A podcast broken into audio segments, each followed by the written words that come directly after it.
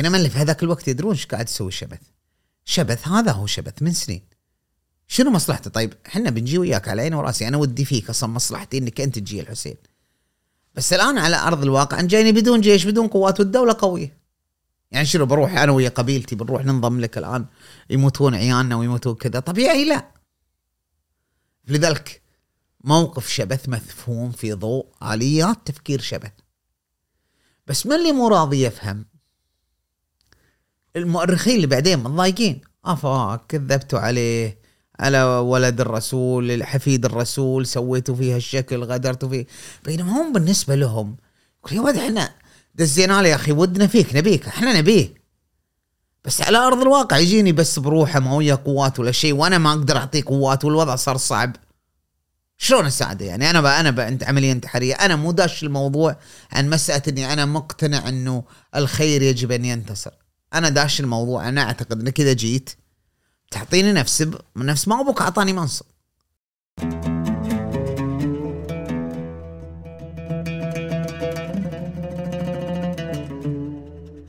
السلام عليكم. هذه الحلقة برعاية شركة حسابي. اليوم كان ضيفنا الأستاذ الدكتور عبد الهادي العجمي الدكتور في جامعة الكويت آه، كلية الآداب. آه، تكلمنا في هذه الحلقة عن آه، كتابة اللي صدر مؤخرا بعنوان البراغماتيون. دكتور يناقش في كتابه أو يدعي في كتابه أن التاريخ الإسلامي كتب في مثالية زايدة. ويختار الدكتور أربع شخصيات جدلية. يعتقد أن التاريخ ألبسهم لباس الخطيئة ليحافظ على المثالية في سرد التاريخ. أه ويحاول أنه يوضح ليش اتخذوا هذه التصرفات الجدلية. أه في النصف الثاني من الحلقة تطرقنا لتاريخ الكويت. والدكتور عنده وجهة نظر بأن تاريخ الكويت كان في انتقاص في التدوين وخصوصا فيما يخص القبائل في الكويت. نتمنى تستمتعون بهذه الحلقة. مسيك بالخير دكتور. ما قصرت على ييتك آه، وقتك. آه، أنا أنا بداية دكتور بعتذر منك على شغلة. أنا يعني عادة إحنا طريقة حوارنا وايد عفوية. أنا ليه أمس معامل اللقاء معامله امتحان يعني. آه ليش امتحان؟ موضوع عميق أحس. امتحان لي ولا لك؟ لا لي أنا طبعا. لا لا أكيد لي أنا.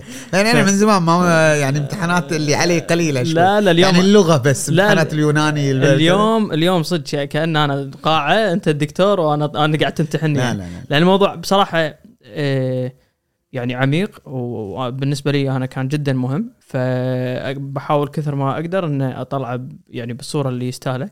فاعتذر منك مقدما إذا أنا قصرت بشيء أو ملاحظ يعني طاف علي شيء معين حق أي واحد قاعد يسمعنا. آه، فأنا دكتور قلت ببلش بصراحة بفقره آه، شفتها بالكتاب. أعتقد هي تعطي يعني مقدمة لطيفة للكتاب وإذا بعدين تقدر يعني تكمل عليها. أنت قلت اسم الكتاب الآن؟ أنا بقول الكتاب راح يطلع كذي بال إيه، بالنص. الكتاب البراغماتيون في القرن الأول الهجري.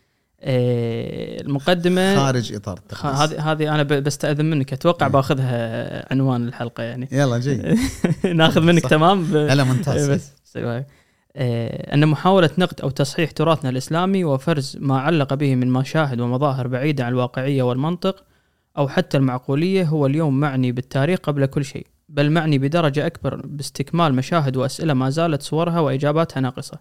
فباستثناء القرآن منها والمتفق عليه من قول النبي عليه الصلاة والسلام يصح القول أن النصوص والروايات لا تحمل معنى دائما أو مثاليا. هناك فقط معنى يجعل الحدث أو المضمون أو المشهد المقدم يأخذ الشكل الذي يراد تقديمه للقارئ من قبل من قدمه. هذه دكتور إذا يعني تقدر بس تقول لي شنو تقصد فيها بالضبط؟ في السياقات التاريخية هناك مشكلة معقدة بالنسبة للتراث الإسلامي. وخاصة إذا تكلمنا عن أول مئة سنة من الإسلام. أول مئة سنة من الإسلام تراكمت روايات متعددة وكثيرة جدا. وهذه الأول مئة سنة كانت مئة سنة خطيرة على العالم كله مش على المسلمين بس لكن المسلمين كانوا في قلبها. لكنها كانت خطيرة على العالم كله لأن غيرت وجه العالم. في الأول مئة سنة نشأت الدولة الإسلامية الغريبة اللي طلعت من منطقة لم يعتد لها سيطرة على العالم. وسيطرت على مراكز الحضارية العالمية. لذلك هذه أول مئة سنة فيها لغط كبير جدا. ثم بعد المئة سنة بدأت بوادر الكتابة لجمع ما الذي حدث. رغم انه المسلمين في اللي عاشوا في ذاك الوقت العرب كانوا محتفين جدا باللي صار فخورين وحالتهم قصائد والثقافة وسوالف وكل واحد عنده قصص جماعته. ف... لكن بدت المنظومات تبدأ تستقر لإنتاج علم معرفة لجمعه بينما كان هناك عدد كبير من رواة القبائل اللي يسولفون في تراثهم وتاريخهم رحنا المعركة الفلانية يجينا المعركة. وهذا ولت تراكمات. هذه الروايات جمعها ناس أذكى ومدنيين. يعني مو مو بشرط إنهم منتمين لهالقبائل ولا كذا لكنه مثلا يجيك واحد شاب مدني يمكن أيضا ما هو عربي مولى يعني فارسي ولده هذا وعاش وقام جمع راح القبيلة تميم وخذ منهم راح قبيلة الأزد وخذ منهم راح وجمع قصص عدد كبير جدا وراح للحكومة الرسمية خاصة أن الحكومة كان عندها آه ما هو أرشيف لكن عندها تجمع لي قضية اللي في المكان الفلاني من اللي خذوه في المكان الفلاني. فأصبحوا بعض الناس يروون. فصار في تراكمات لمصادر الروايات. هذا الركام هو ركام على الحدث لأن الحدث كان موجود. ثم أصبح أول راوي رواه فسره ثم الثاني اللي وراه فسره ثم ثم أصبحنا عندنا عشرات الأدوار من الركام اللي هي التفاسير للحدث.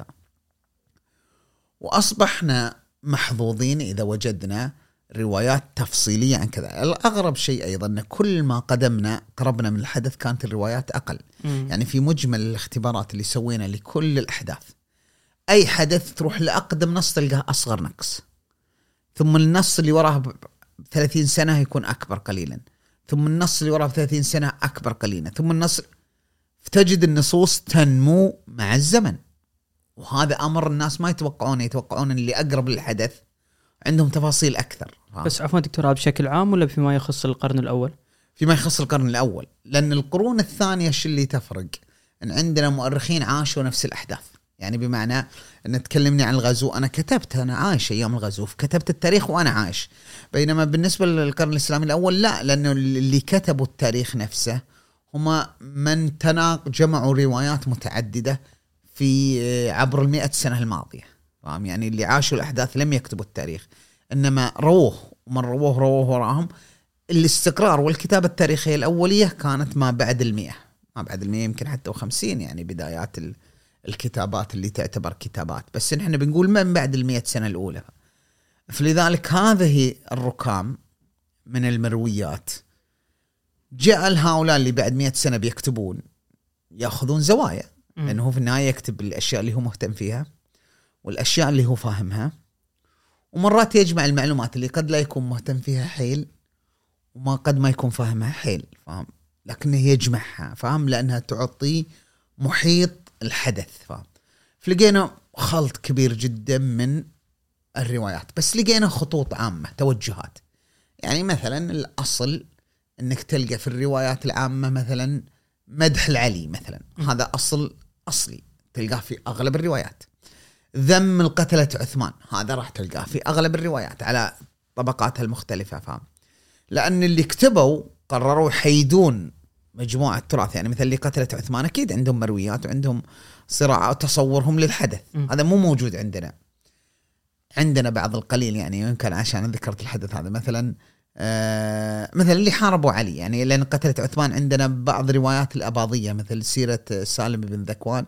فيها إشارات لمواقف تفسر آه موقف قتلت عثمان جزئيا. لكن مثلا علي بن أبي طالب اللي حاربوا علي.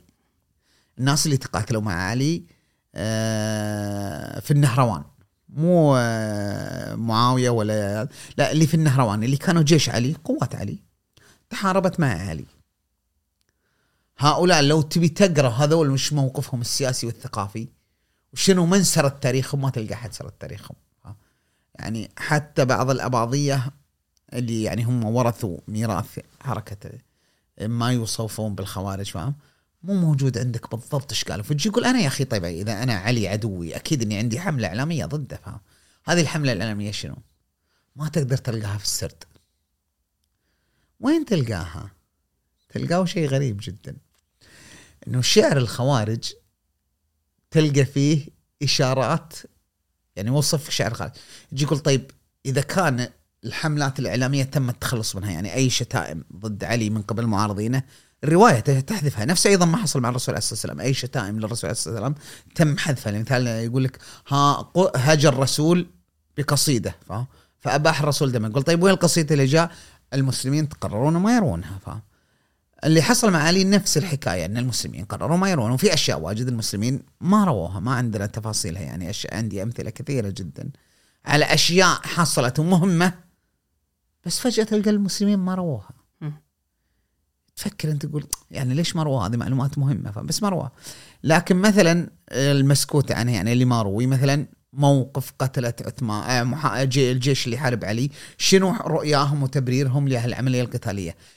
طبعا في روايات تقول كانوا يقولون بس هي روايات خصومهم هم أنفسهم رواياتهم مي موجودة. آه مثلا واحدة من الأشياء الغريبة جدا رواية ابن عباس إنه راح وناقشهم أهل النهروان. وطبعا لما تقرأ المناقشة تلقى على ابن عباس آه، سألهم آه تقولون كذا ويبتلشون. يعطيهم ثلاث أسئلة ما يعرفون يردون. ويهزمهم ثقافيا. فتقول يعني تستانس لما تقرأ. في رواية وجدت في الجزائر الظاهر لأن بقايا الخوارج كانوا أيضا لهم الجزائر في نسخة لردودهم عليه. غريبة جدا النسخة. فلما تقرأ ردودهم تلقى إي والله حوار متوازن. ابن عباس كان يعطيهم أسئلة صعبة وهم يردون يعطون أسئلة صعبة. حوار متوازن. لما جيت أقرأ النسخة السنية أو الإسلامية أو السنية الشيعية بعد الشيعه أيضا يتبون نفس الموقف إنه علي كان وياهم حق في الموضوع السنية الشيعية في مقابل الأباضية تلقى النسخة حقتهم ابن عباس كان يكلم ناس أغبياء ما يعرفون يفكرون في أي شيء. يعطيهم أسئلة ويتورطون ما يعرفون يجيب لهم أدلة ما يعرفون يردون. بينما النسخة هذيك فيها إشارات لردود معقولة. هذا يتم ويا كل الاشياء مثلا في قتلة آه، محا... آه، النهروان هذول نفس الجماعة. في شعرهم التي احتفظت فيه المصادر على عكس رواياتهم. المصادر احتفظت بشعرهم اللي يسبون فيه علي. تجي أنت تستغرب تقول ليش احتفظت المصادر بشعر الخوارج اللي يسبون فيه علي؟ وجمعها حسان عباس في كتاب اسمه شعر الخوارج. تكتشف إنه المصادر احتفظت فيها لإدانتهم. مم. إن المصادر يقول شوف هالمجرمين اللي يشتمون علي بهالأشياء. فاحتفظوا بشعرهم. فتجي أنت تقول أها اذا أنا أبي أفهم صورة علي في عيون الخصوم. في عيون هذا الخصومه أبي أفهم يعني أنت في النهاية أي أي حملة تبي تشوف تفهمني تروح هذا خصومي تشوف إيش كاتبين عني تقول والله عبد الهادي في عيون خصومه هو كذا وكذا وكذا. فاذا بتروح تقرأ شعرهم اللي جمع احسان عباس تنصدم تقول ها والله هذه الصفات اللي وصفوا فيها علي أكيد حملتهم الاعلاميه وركزوا على هالصفات. لكن ما تلقى الأصداء الحملة الإعلامية ولا الروايات اللي تعكس الموقف الإعلامي. فاهمني؟ فإذا هناك ما هو آه لم ينقل بطريقة معينة فاهم؟ إنما نقلت زوايا ورؤى يمكن هذه الفقرة. أنا ما هذا الموضوع ترى يعني أقدر نسترسل فيه المدة لا لا أنا ما أنا أنا أنا ما عندي مشكلة نقعد لا أقصد لكن هذا تعليق على الفقرة جزئي تعليق آه. على الجزء فالدكتور القصد إن هم هذا اللي يصير دائما في في في السرد وتسجيل التاريخ يعني هو وراه غرض عدل هو لترسيخ ايديولوجيه معينة صح ان إن إن الخيرين هم الناس اللي وقفوا مع علي والأشرار هم الناس اللي وقفوا ضده. في المثال هذا طبعا هو منطلق انه هناك. تذكر إن علي لما كان حاكم كان له شخصية طبيعية جدا في التعامل مع الصراعات. بعدين لما وطبيعا المواطنين اللي عنده لهم حق يشوفون يثاروا عليه هم إذا ثرت عليه تعتقد إنه ما يصلح فاهم؟ أو انه ارتكب خاطئ أو شلوا عليه حملة فاهم؟ ولكن بالنسبة للمؤرخين والمسلمين لاحقا لا. يعني تذكر إن علي هذول اللي ثاروا عليه بعد سنة يقتل فاهم؟ ثم يصبح رمز للعدالة لأن الآن هو مو حاكم. إنما جاء الحكام الأمويين. طيب أنا إذا عايش مواطن في تحت حكم الأمويين؟ أكيد إني كل المواطنين يعني نكره حكوماتنا. إذا أنت مواطن طيب أكيد إنك تكره حكومتك. لأن تحس إن الحكومة إيش؟ ما ابي أقول الحكومة؟ انت تدري فاهم؟ اجعل كلامنا خفيف عليهم. في الأصل إني أنا أنتقد الحكومة. يعني ما, ما عندنا سكن ننتقد الحكومة. ما عندنا معاشات ننتقد الحكومة. فلذلك إذا أنت مواطن في حكومة عند حكومة علي تصير هالشكل. بس لما علي اختفى من المشهد وجاوا الأمويين شنو في ذهنك أنت المقارنة الأساسية تسويها؟ كل ما عشت حياة صعبة تقول يخرب بيت الأمويين الله يرحم أيام علي كنا أيام ك... ومع الزمن يصبح علي رمز لكل القضايا اللي نعرفها أنا وياك الآن. علي هو رمز العدالة رمز الشباب رمز وينمو هذه الصورة مع السرد. مع السنين تنمو تنمو تنمو تنمو لأنه يصبح في احتياج لها لاستخدامها ضد السلطة. مم. تذكر أيضا أصبح الحديث عن علي وفضائل علي جزء من الاحتجاج الشعبي ضد الأمويين. فلما أنت تكتب التاريخ بعد مئة سنة في ضوء هذا النمو شو يصير عندك القراءة؟ متأثرة بالناس اللي جمعوا الروايات اللي تثبت موقفهم الصحيح في ك... فهمت الفكرة؟ فاهم عليك. دكتور أنا آه، يمكن آه، بس بستبق شغلة لأن متصلة باللي تو ذكرته إن مقارنة فرضا المحكومين بالحكام السابقين إن مثل ما قلت الله يرحم أيام علي يوم كان حاكمنا مقارنة بالأمويين. في في شغلة ذكرتها بكتابك ان حتى الحكام كانوا يستعملون هذه الطريقة. أعتقد لما قلت إنه آه، في شخص نسيت راح علي بن أبي طالب قال له ليش ما تصير نفس فرضا أبو بكر وعمر؟ فقال له لأن المحكومين كانوا أمثالي. ال- واليوم المح واليوم المحكومين أمثالك.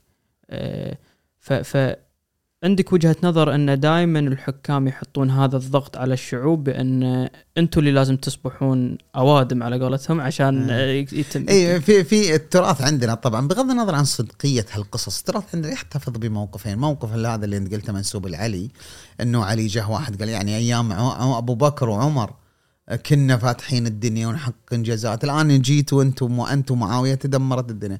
فقال والله أيام أبو بكر وعمر كنا إحنا رجاله أيامنا هذا أنتم رجالها لكن الرد الأقوى كان عبد الملك بن مروان له رد في نفس الشيء. تعرف أن المواطنين يزعجونك اذا أنت حاكم كل واحد يجيك اللي يبي معاش اللي يبي وظائف اللي ك... وبعدين يبلشونك في سالفة إيش؟ المقارنة بحكام قبلك. لذلك تذكر كان عندنا واحد من من لصوص السياسيين فاهم وكان في عصر ماخذ راحته شوي. جاء عصر ثاني مدوا ايدهم عليه وطقوه. فصار حاقد على الم... فكان يقول يعني آه، شو يسمونه الناس تبكي. وقال اسم الحاكم اللي قبل الحاكم الموجود؟ هو ليش يعني قال هالكلام؟ لأنه هو قاعد. ينتقم من النظام بمدح اللي قبله. مم. وهذه ممارسة بسيطة تستخدمها الشعوب. أنا كمواطن أنا ما أقدر اكافحك كانت حاكم. بس شو أروح أسوي غما فيك؟ أطلع صورة الحاكم اللي قبلك. وأبوسه واحط قلب وأقعد أقول أيامك كنا سعيدين. والله يرحمه كان آه، خليفة القلوب وخليفة المحبة وكان خليفة عادل. فأنا أنتقم منك بهالممارسة. هذا جزء تمارسه إيش؟ الشعوب ضد السلطات، السلطات شو تسوي؟ تروح أيضا بحملات إعلامية، السلطة أيضا عندها عندها قنواتها وعندها سكوب وعندها الجرايد والقبس ولا يعني هذا لازم تستخدمها ووزاره إعلام وتلفزيون، طيب إيش بتسوي؟ أكيد عندك حملة مضاده، الحملة المضادة إيش بتركز عليه؟ بتركز على جوانب مهمة في ردك عليهم. عبد الملك شو يقول؟ يعني شفت هذاك مثلا ينسب إلى علي، ينسبون رد ثاني لعبد الملك. إنه قال قال له يعني الحكام اللي قبلك وكذا كذا. قال قال له المواطنين يعني إذا أنتم صرتوا نفس الشعب اللي كان أيام عمر وأبو بكر نصير إحنا نفس أبو بكر وعمر. فاهم والله ثاني مرة واحد يقول لي اتق الله إن كذا وكذا وكذا؟ يعني يهددهم. فالسالفه نفس ال- الفرضية. إنه أنتم بتقولون نصيروا نفس ذراك إحنا بنص... أنتم تصيرون أول نفسهم. إذا أنتم مواطنين صرتوا نفس أيام أبو بكر إحنا نصير أبو بكر. ف... فيعني هذه الحكومات حلت السالفة هذه. ونرجع بس آه، دكتور حق الكتاب. سبب اختيار لك للأربع شخصيات اللي مذكورة في الكتاب إيش معنى هال- هالشخصيات الأربعة؟ آه، في الواقع الكتاب فكرته الأساسية محاولة تقديم فهم لطبيعة السياسيين. طيب في الأبحاث العلمية أصلا شو تسوي؟ تأخذ sample. يعني حتى علميا الآن تروح تأخذ sample من أماكن وتبني عليهم. بس طبعا ال sample لا يعني الحصر. انما أنت تقول يعني أنا بدرس المتاح. في الحالة هذه أنا قررت إني بدرس sample من سياسيين مهمين في الأحداث. بس أنا اشترطت إن ال sample ما تكون شو يسمونها آه، اللي هم اسم مصطلح طبي ان مرات ال sample تكون خربانة فاهم. آه، يعني ال sample يتلف. يتلف نتيجة كذا نتيجة كذا. مثلا أنت لو أجيب sample آه، لتعليق ت- ت- وعرض للشمس وعرض كذا يجي المختبر يقول لك لا هذه ال sample تلف ما نقدر ندرسه لتعرضه لأشياء أخرى. فلذلك اشترطت إن السامبل اللي بعرضها أبيهم مو محميين. ممكن مهاجمين إي ممكن ناس تعمدت تهاجمهم. لكن أيضا ما بيهم محميين بالقداسة. بمعنى ان ما فيهم واحد بسبب فضائله الشخصية الكتاب اللي بعد مئة سنة حاولوا يحمونه. اخترت شخصيات قيادية دخلت في الأحداث ولعبت أدوار مختلفة واخترتهم من كل الجهات عشان يمثلون كل كل الأطراف وأدوارهم مختلفة. لكنهم قادة في المئة الأولى.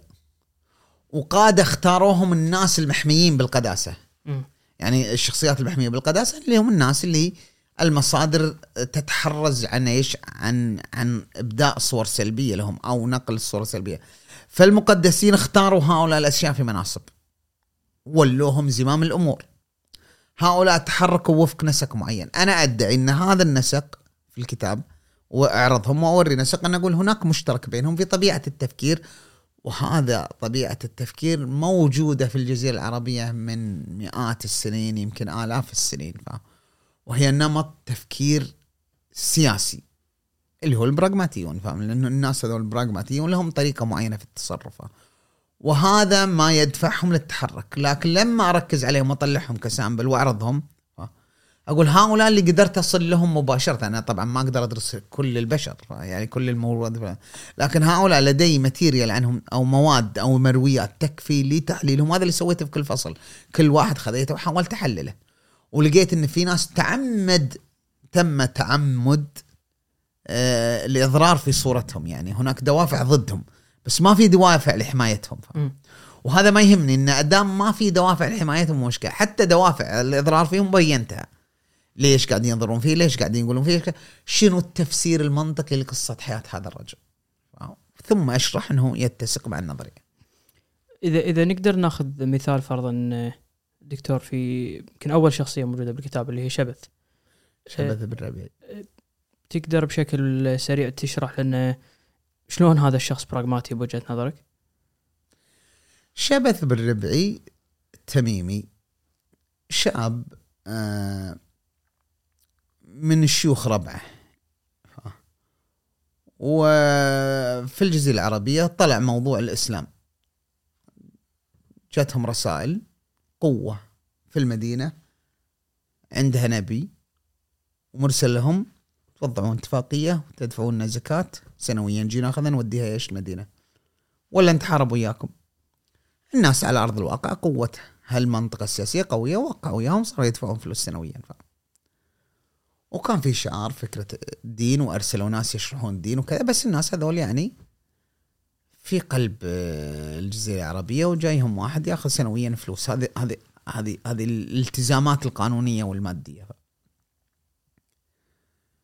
آه، خلال عام من خضوعهم أو- أو فترة قليلة يعني مو مو طويلة مات الرسول عليه الصلاة والسلام.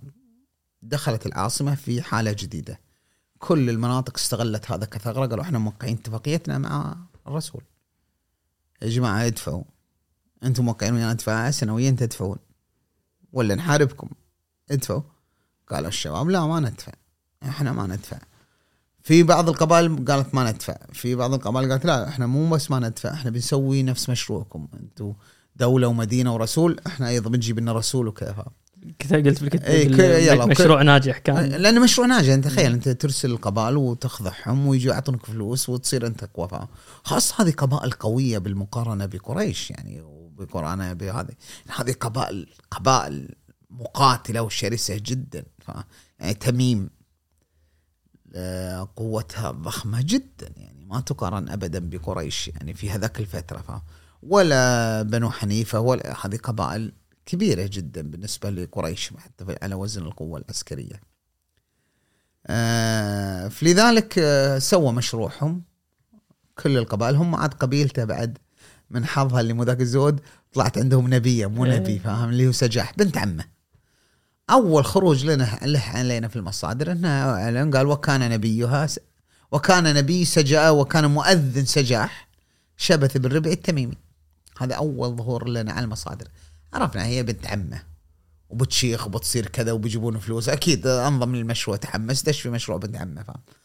وطبعا بدأ المشروع صار تحالف مع بنو حنيفة عندهم نبي بعد نبيهم تزوج نبيتنا مش عارف إيش. المهم هذا كله تدمر كمشروع. هو مشروع كان فيه يعني أنت مثلا صرت المؤذن بكرة بتصير الدولة تكبر بتصير عندكم فلوس بيجيكم خير بتفرضون على القبائل الثانية ترسل لكم فلوس. يعني مشروع ضخم جدا فاهم وحكم ودعوة وكذا آه، تدمر لما جات قوات المدينة، قوات المدينة قوية جات دمرت آه، مشروع شبث بالربعي، مشروع سجاح واحد من كبار الموظفين اللي كان متحمل بكرة يصير وزير ولا رئيس وزراء ولا اللي هو شبث بالربعي، تم تدمير هالمشروع. سوى شبث بالربعي. على طول انضم للمشروع الجديد اللي هي دولة الإسلام اللي الآن بدأت سوت مشروع جديد. أنتم كلكم بدل ما تدخلوا هذا بنروح نحارب العراق والفتوحات الإسلامية. دخل شبث بالربعي مع الشباب متحمسين طبعا أبوه كلفه عمر بجباية إيش؟ الخراج من مو بالخراج الزكاة من قومه. آه ولذلك كان من شيوخ ربعه هو. بدأ تمصير الأمصار. صنعوا الأمصار راح انضم لهذه ودخل في الجيوش وقائد من شيوخ ربعه وتجمعوا. الآن تغير مشروع مع سجاحة طلعت من اللعبة والآن خلاص لا الدولة المدينة هي العاصمة. أنا منضم فيها خلونا نستفيد. ودخل بدأ يتحرك واستقر في المناطق الجديدة وبدأ يحارب ويحقق إنجازات ونجاحات وضع سليم إلى الآن. فهم. أه لما قتل عثمان يبدأ يطلع في المصادر مرة ثانية. إن الرجل هذا كان متضايق ليش قتلوه. لما جاوا طلحة والزبير عاش انضم لهم واقتنع في فكرة إنه لابد من قتل قتلة عثمان. حارب في الجمل مع طلحة والزبير وعائشه ضد علي. انهزموا. انضم الجيش علي. طبعا هذا الناس دايم مشغولة في الأفكار.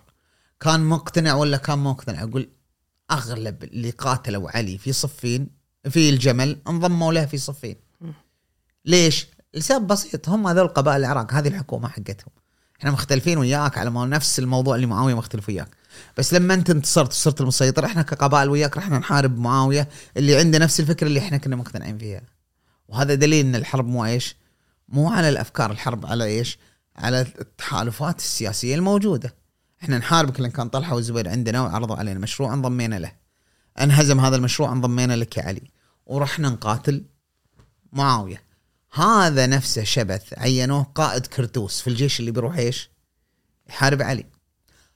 حاربوا علي صارت معركة صفين رجعوا بخسائر كبيرة جدا ما انتصروا يعني ما نقول خسائر بس ما خسائر الجانبين صح؟ خسائر ضخمة جدا الجانبين وغضب شديد جدا من من من المواطنين ف في جيش علي وفي جيش معاوية. بس يبدو إن معاوية كان اعلاميا نجح إنه يسوق نحن صديناهم. جيش علي آه، صار عنده أزمة إعلامية هو. علي سوق التحكيم التحكيم بنسوي تحكيم. حكومة علي بدأت تسوق موضوع التحكيم وواجهت مشاكل كبيرة لأن في ناس واجد كانت رافضة.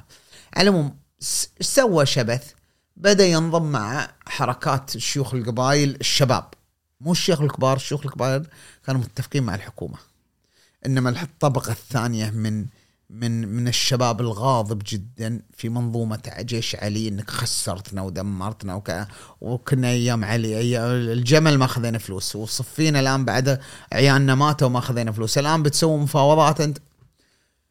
فاختاروه قائد لجيش الثوار اللي هو أنت شبث.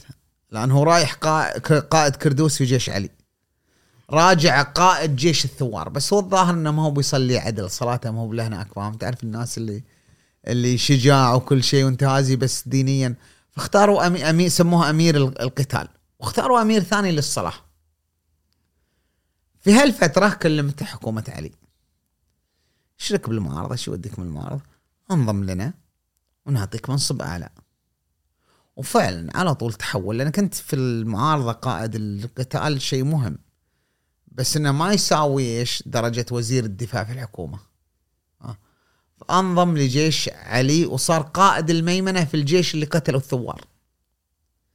يعني طلع من الثوار قائد جيش الثوار المقاتلين. يطلع ينضم لقوات علي ويصبح قائد الميمنة في الجيش اللي بيحاربون في النهروان اللي يقتلون الثوار اللي هو كان قائدهم فاهم؟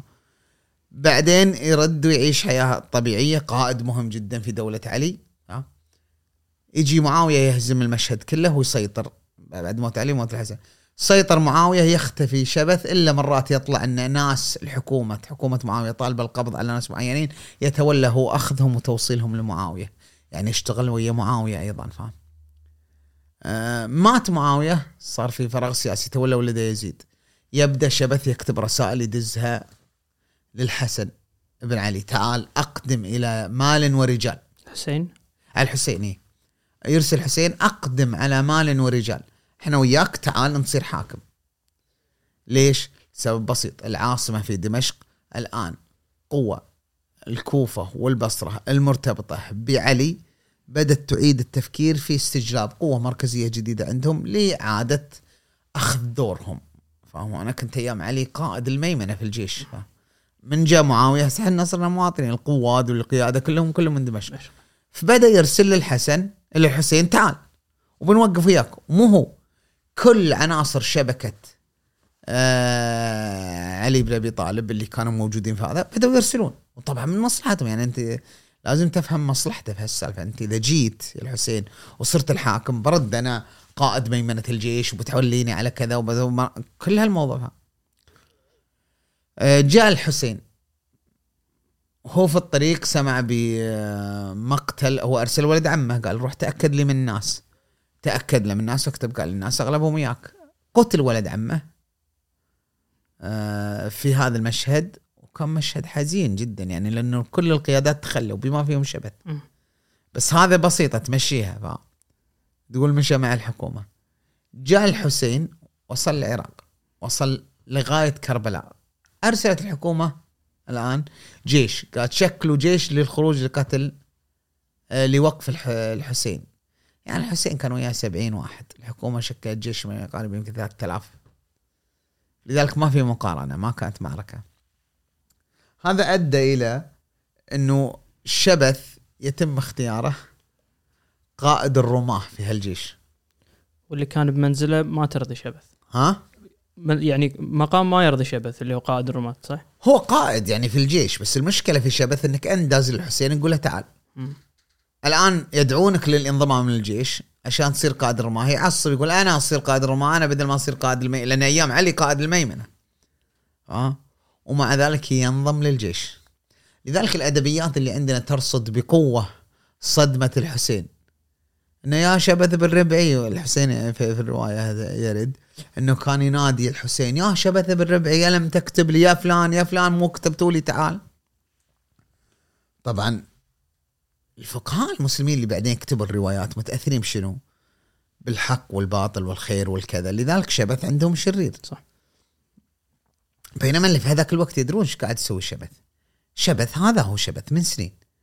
شنو مصلحته؟ طيب إحنا بنجي وياك على عيني وراسي. أنا ودي فيك أصلا مصلحتي إنك أنت تجي الحسين. بس الآن على أرض الواقع انت جايني بدون جيش بدون قوات والدولة قوية. يعني شنو بروح أنا ويا قبيلتي بنروح ننضم لك الآن يموتون عيالنا ويموتون كذا. طبيعي لا.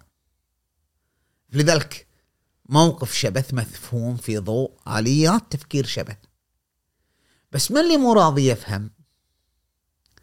المؤرخين اللي بعدين متضايقين. افا كذبتوا عليه. على ولد الرسول حفيد الرسول سويتوا فيه هالشكل غدرتوا فيه. بينما هم بالنسبة لهم يا ولد إحنا دزينا له يا أخي ودنا فيك نبيك إحنا نبيه. بس على أرض الواقع يجيني بس بروحه ما ويا قوات ولا شيء وأنا ما أقدر أعطيه قوات والوضع صار صعب. شلون أساعده يعني؟ أنا بقى أنا بقى عملية انتحارية. أنا مو داش الموضوع عن مسألة إني أنا مقتنع إنه الخير يجب أن ينتصر. أنا داش الموضوع أنا أعتقد إنك إذا جيت تعطيني نفس. نفس ما أبوك أعطاني منصب. لك طبيعي يبيك بس إذا أنت جاي ومهزوم أنا أصلا ليش أبيك؟ عشان إحنا نسيطر وناخذ مناصب. الآن تجي أنت أروح حارب وياك أموت. بالنسبة لهم مو بس أموت هو مصلحة جماعة المسألة يعني ما كان يعني أموت. طبعا مصلحة يمكن قبيلته. ها؟ مصلحة قبيلته بعد. إيه فلذلك تجد إن الشبث بالربعي بسهولة غير موقفه وانضم الحكومة وحارب في الجيش اللي قتلوا آه، الحسين. تجد بعد الحسين مقتل الحسين وموت يزيد صارت بلبلة في العراق أيضا ابن الزبير. معاه ثم ضده. إيه طلع شو يسمونها التوابين. ناس اعلنوا إيش نحن نتوب تحمس وياهم. التوبة عن مقتل ابن الحسين وبدأ طلع شو يسمونها الثقفي يطالب بدم الحسين. قال لازم نطالب بدم الحسين. من اللي ينضم؟ شبث. شبث. قول يا أخي أنت في الجيش المقاتل. راح قعد وياه قال لي تبونه وحنا ما نقبل والساعة المباركة ف... وعلى القوة جهودكم ف فتجي تقول أنت تقول طيب شبث يلعب هالشكل هم شلون وافقوا؟ يعني شلون علي وافق انه يعينه قائد كردوس أول بعدين يعينه قائد ميمنة؟ شلون حسين قبل رسائله؟ شلون آه، شو اسمه التوابين أو آه، شو يسمونه؟ آه، الحركات المطالبة بدم الحسين قبلت التعامل مع شبث، ليش ما قتلت شبث؟ فاهم؟ ابن الزبير جي يقضي عليهم فاهم؟ المختار الثقفي، لي- لي- ليش المختار الثقفي صدق شبث وتعامل وياه؟ يعني ليش ما قتله؟ مو تقتل قتلت عثمان هذا شبث عندك فاهم؟ ليش ابن الزبير بعد ذلك تعامل ويا هذا؟ القصد إنه لأن ليش هالأشياء طبعا الناس ما عندهم أجوبة للمؤرخين اللي بعدين يفكرون في سالفة حق وباطل وخير وشر بينما هو الحسين وعلي وش يسمونه المختار الثقفي وابن الزبير كلهم كانوا يعرفون هذول شيوخ قبائل عندهم قوات في المنطقة. أكيد نتعامل وياهم. اليوم نجيبك هذا هذا الشغل هذا ال- ال- الوضع السياسي. هذا الوضع الطبيعي للسياسة في هالمنطقة. فهو كان مقبول في ذاك العصر. مش مسألة مقبول في كل العصور كانوا العرب يسوون هالشكل. بس لما تكتب عنها بعد مئة سنة تختلف. لأن دكتور أنت آه، تكتب إن هذا هذا الشيء له جذور تاريخية حتى ما قبل الإسلام لأن مم. أنت تتكلم على جزيرة عربية بيئتها صعبة آه، يعني أنت شلون تعيش شلون إنك تستمر ل اي ومو بس شلون تعيش إن الجزيرة العربية مرت عليها قوة متعددة شو يسوون العرب وأديان متعددة بعد دكتور. وأديان اي وأنا قلت هذا إنه يمر عليك يجيك فجأة الفرس يدخلون عند مناطق قوية دينهم وياهم شغلهم وأقوياء فجأة يجيك البيزنطيين مرسلين حملة فجأة يجيك الأحباش مرسلين حملات وكل مجموعة تجيك وياها أسلحتها ودينها وقواتها وتعاملك وياها وتجارتها أنت شو تسوي؟ العرب كانوا واضحين جدا فاهم؟ شنو مصلحتنا؟ نتعامل وياك. الدين ما عندنا مشكلة بتنشر الدين حي اللي مقتنع في دينك ياخذه ما عنده مشكلة. أه في النهاية إحنا نبي نعرف شنو تعطينا عمليا، شنو نستفيد منك، شنو نستفيد منه. شنو مصالحنا؟ فلذلك كانوا مرت علينا أديان متعددة في الجزيرة العربية. وما كان في مشكلة. فاهم؟ ورد لكن في النهاية العلاقة مع الوحدات السياسية كان مبناها مصالح الناس وتفكيرهم في مصالحهم تحقيق مصالحهم. ودكتور هم أعتقد أنت تذكر في الكتاب أن السلطة كانت محتاجة مثل هذه الأمثلة يعني محتاجة هذه الناس البراغماتيين القادرين في أن أنت معاهم قوات جيشهم أو أبناء قبيلتهم اللي مستعدين إن أنت في مقابل معين تكسب ولائهم أو مو ولائهم بس تكسب خدماتهم يعني يعني هذا هذا لأنه في النهاية الجميع يعني هذا هو كان طبيعة الناس السياسيين في هذاك الوقت في أوقات كثيرة من الزمان. السياسيين الأصل فيهم هالنوع. لذلك المتاح في هذاك الوقت شيوخ قبائل يسعون لمصالحهم مصالح ربعهم. حتى هم مستقرين تذكر أنه الاستقرار كانوا مستقرين في المدن. كانت المدن مقسمة على حسب قبائلهم. كل مجموعة جزء في قبيلة وفي شيخ قبيلة. شيخ القبيلة يحتاج ثنتين أصفط الربعي واجيب مصالحهم وأحميهم وأحمي كرامتهم. آه، دكتور أنا سامحني نسيت في مثل أنت ذكرته بالكتاب مشابه لموقف شبث يوم دعا الحسين آه، أعتقد كان آه، لشخص اللي منع الم- الماء عن عن أهل الحسين أو شغلة كذي. آه، أبو الأعور السلمي. فهم أنت تكلمت إن أي شخص في موقفه داش حرب مع آه، قوة قدامه بغض النظر إذا كان هذا والله حفيد الرسول أو ولكن هذا الشخص البراغماتي هذه طريقة تفكيره. قصدك منع الماء عن جيش علي؟ ولا قصة الح... آه، قص- قصة منع الماء عن الحسين؟ أعتقد عن الحسين. الحسين شبث في نفس الجيش اللي منعوا الماء عن الحسين ف... فهم أنت كان لك رأي بهذا الموضوع إنه مرة ثانية الرد حق إنه مفهوم. اي ان إن طريقة السرد راح تحط هذا العمل كعمل شر. كصدمة يعني تعرف اللي كتبوا بعد مئة سنة مصدومين. يعني شو أنتم شو تسوون؟ وين أنتم من؟ فاهمني لذلك هذه الصدمة ولدت نوعين من التفكير. نوع يقول يا جماعة هذا واقع لازم نعيد النظر فيه لأن ونوع قالوا لا يا جماعة تكفون لا تتكلمون في هالمواضيع هذه أمور آه، آه، حساسة وهذا الجيل مقدس أو أو أو له قداسة معينة لذلك لا تتكلمون فيها حمى الله آه، سيوفنا عنها فنحمي فليحمي الله ألسنة العالم القصد انه إنه في توجه لعدم الحديث عن هذا المشهد اللي الناس ما يبونه. يعني أنت ما تبي تشوف الأبطال اللي في ذهنك في مشهد القتال. بس أنت قلت شغلة دكتور إن هذه المثالية اللي اللي اللي اللي قاعد تبلورها طريقة السرد في التاريخ الإسلامي قد إن يعني تسبب مشاكل لنا في عصرنا الحالي إن تفتح باب انتقاد للتاريخ الإسلامي وشيء إحنا قد نكون مو قادرين نرد عليه. لا هذه ما تسبب مشاكل هذه يعني هذا جزء أصيل من شغلنا. إنه لازم تفتح كل المشاكل بالعكس العلوم تنشأ بالمشاكل. لا بس أنا أقصد العكس إن إن إذا تم توثيق التاريخ الإسلامي كأن هذا تاريخ مثالي إيه طبعا هذا يعني هذه خطيئة. لأنه مو صحيح أصلا هو في الأساس السبب للسبب البسيط. لأنه هذا التفكير غير حقيقي وغير واقعي إنما وهمي. وهذه الوهمية ولدت إذا تبي في فرضية الكتاب في, في الخاتمة على الأقل. تطرح هذه القضية بقوة. أنت لما تخلق لي مجتمع مثالي اللي هو تنسب له الفضل في المعجزة الكبيرة اللي هي الفتوحات الإسلامية قامت الدولة السبع فيجي يقول هذا تم لأنهم وتعطيني قضايا مثالية. شو يصير؟ تصير نفس الأزمة اللي في الذهن العربي وهذا الكتاب يطرح القضية. الأزمة في الذهن الإسلامي كله. يقول لك إحنا شلون حققنا كل هذا المجد الإسلامي؟ نتيجة لقيامنا ويبدون يدورون في التاريخ اللي كتبوه المسلمين بعد مئة سنة. عن الجوانب الإيمانية والجوانب الكذا والجوانب. بينما لما تعمق حسب نظرية الكتاب النظر تكتشف إنه لا والله هم حققوا هذا الإنجاز لأن كان عندهم عدد كبير من السياسيين الفاعلين البراغماتيين اللي كانوا يبحثون عن مصالحهم اللي تحركوا بدوافع قوية جدا وجادة لتحقيق منجزات لهم. ولذلك حققوا هالفتوحات الكبيرة. بينما الفقيه اللي قاعد يكتب والناس اللي في العاطفة الدينية يكتب بعد مئة سنة ومو مهتم بهذول. البراغماتيين اللي الناس العمليين اللي كانوا يدورون مصالحهم كان مهتم بمجموعة ثانية فاهم؟ اللي هم الناس أصحاب الإيمان ونشر الإسلام وكذا فبدأوا يكتبون حالة من التفكير في قضية التدين المنتج للانتصار الكلي. فصار في رسالة واضحة جدا لخصت بعدة مقولات بس إنه في النهاية تبون تنتصرون مرة ثانية ويرجع الإسلام نفس ما كان ارجعوا في حالة تدين كبيرة جدا نفس ما كان القرن الأول. ف... وهذه كان الرسالة الوعظيه يعني وجدت بشكل قوي جدا وتم تدعيمها. بينما لما تشوف القراءة العميقة للأحداث تجد لا والله أن اللي صنع الفتوحات كان ناس متحركين بدرجة كبيرة للبحث عن مصالحهم وهذا مصالحهم ويا ربحهم وإن هذه المصالح فعلا تحققت بإصرار وقوة وعزيمة لأنها مفيدة لهم.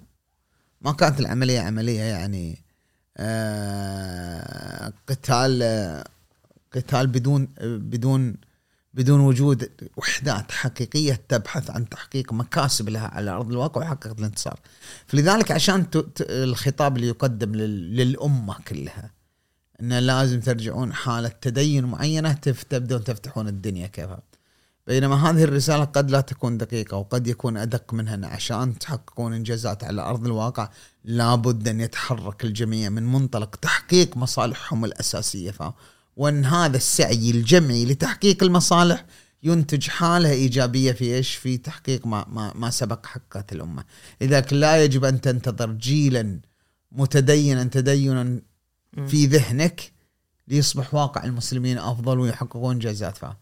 بل يجب أن تبحث عن مجتمع فاعل بأدوات الحياة المعاصرة يريد أن يكسب من واقعه بأفضل طريقة.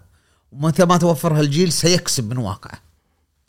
غير الكلام اللي إحنا متعودين عليه يعني إحنا متعودين من وعينا على الدنيا ان إن اللي تفضلت فيه دكتور ان ان, إيه؟ إن, إن عشان تعود الأمة الإسلامية لسابق إنجازاتها وقوتها يجب أن آه، تطبق الشريعة الإسلامية وتعود للتدين وما أعرف إيش ف... إيه. وهذا الخطاب القديم يعني وعززه بعد لما جانا الاستعمار شكل صدمة لثقافة المسلمين. الاستعمار كان تسمى أزمة القرن الثامن عشر. في القرن الثامن عشر لما جاءوا الغربيين انصدموا المسلمين. حنا اللي عندنا القرآن وحنا اللي عندك شلون هذول يصيرون أقوى منا؟ فجاءت خرجت حركات إسلامية في ذاك الوقت إصلاحية تتكلم. تقول عشان تهزمونهم لازم ترجعون نفس ما رجع الإيمان الأول. فهذه تعزز بس إن الفكرة قديمة أصلا الفكرة حتى من العصر العباسي حتى من أيام إيش؟ آه عمر بن عبد العزيز. دكتور بس ال- الشخصيات اللي انذكرت في الكتاب يعني هي هل مميزاتها فقط إن يعني استعانة الخلفاء فرضا فيهم في ذيك الفترة هل لمجرد لأن آه، هم قادرين يحركون القبائل اللي تحتهم أو فيهم مميزات ثانية مشتركة آه، تجعلهم يعني أدوات مناسبة للسلطة في حزتها. ال- ال- الأربعة هذول؟ أي نعم. في الواقع هذول في النهاية يعني كانوا آه، أدوات للتعامل مع الواقع الممكن. يعني واحد مثل شبكة اللي ذكراه كان يعتقد إنه كل ما انحاست الأمور هناك فرصة للكسب. يعني تعرف بعض الشيوخ القبائل عندنا مثلا لما صار الحراك استفاد. الحراك الوطني. الشعبي من أبناء قبيلته لأنه كان عنده شيء يفاوض فيه السلطة. تخيل إنه ما في حراك. إيش بيروح للسلطة يقول؟ أعطوني فورد وسيارة ومعاش. ما يقدر. ها؟ بس مع الحراك راح قال ها إيش تبون؟ قال والله نبي طال عمرك معاملات وفورد وكذا كذا. ثاني يوم هم مطلعينهم على التلفزيون. يا نحن نؤيد ولا نحن ليش؟ لأنه بالأحداث يصبح لهم قيمة يجب أن تصرف. لكن بدون هذه الأحداث التي تجعل السلطة في قلق لست عشان تضطر تستخدمهم. ما يصير لهم قيمة. فال... فبعد آه، ألف و ألف سنة 1400 سنة تقريبا ما زال هذا نفس ال... لأن أنت وايد تتكلم عن علاقة السلطة بالقبيلة. تذكرها أكثر من مرة. يعني حتى آه، إيه هم ترى هذول مو هم وحدات قبيلة بالمعنى اللي نتصوره مو القبيلة اللي قبل الإسلام في مناطقهم وفي أراضيهم. هم في منطقة مثل الكوفة البصرة. كومباوند مجمع فيه كل القبائل ومقاتلين. مم، لذلك بيئة شرسة جدا يعني بيئة صعبة. وهذه البيئة كلها مقاتلين وأبناء قبائل.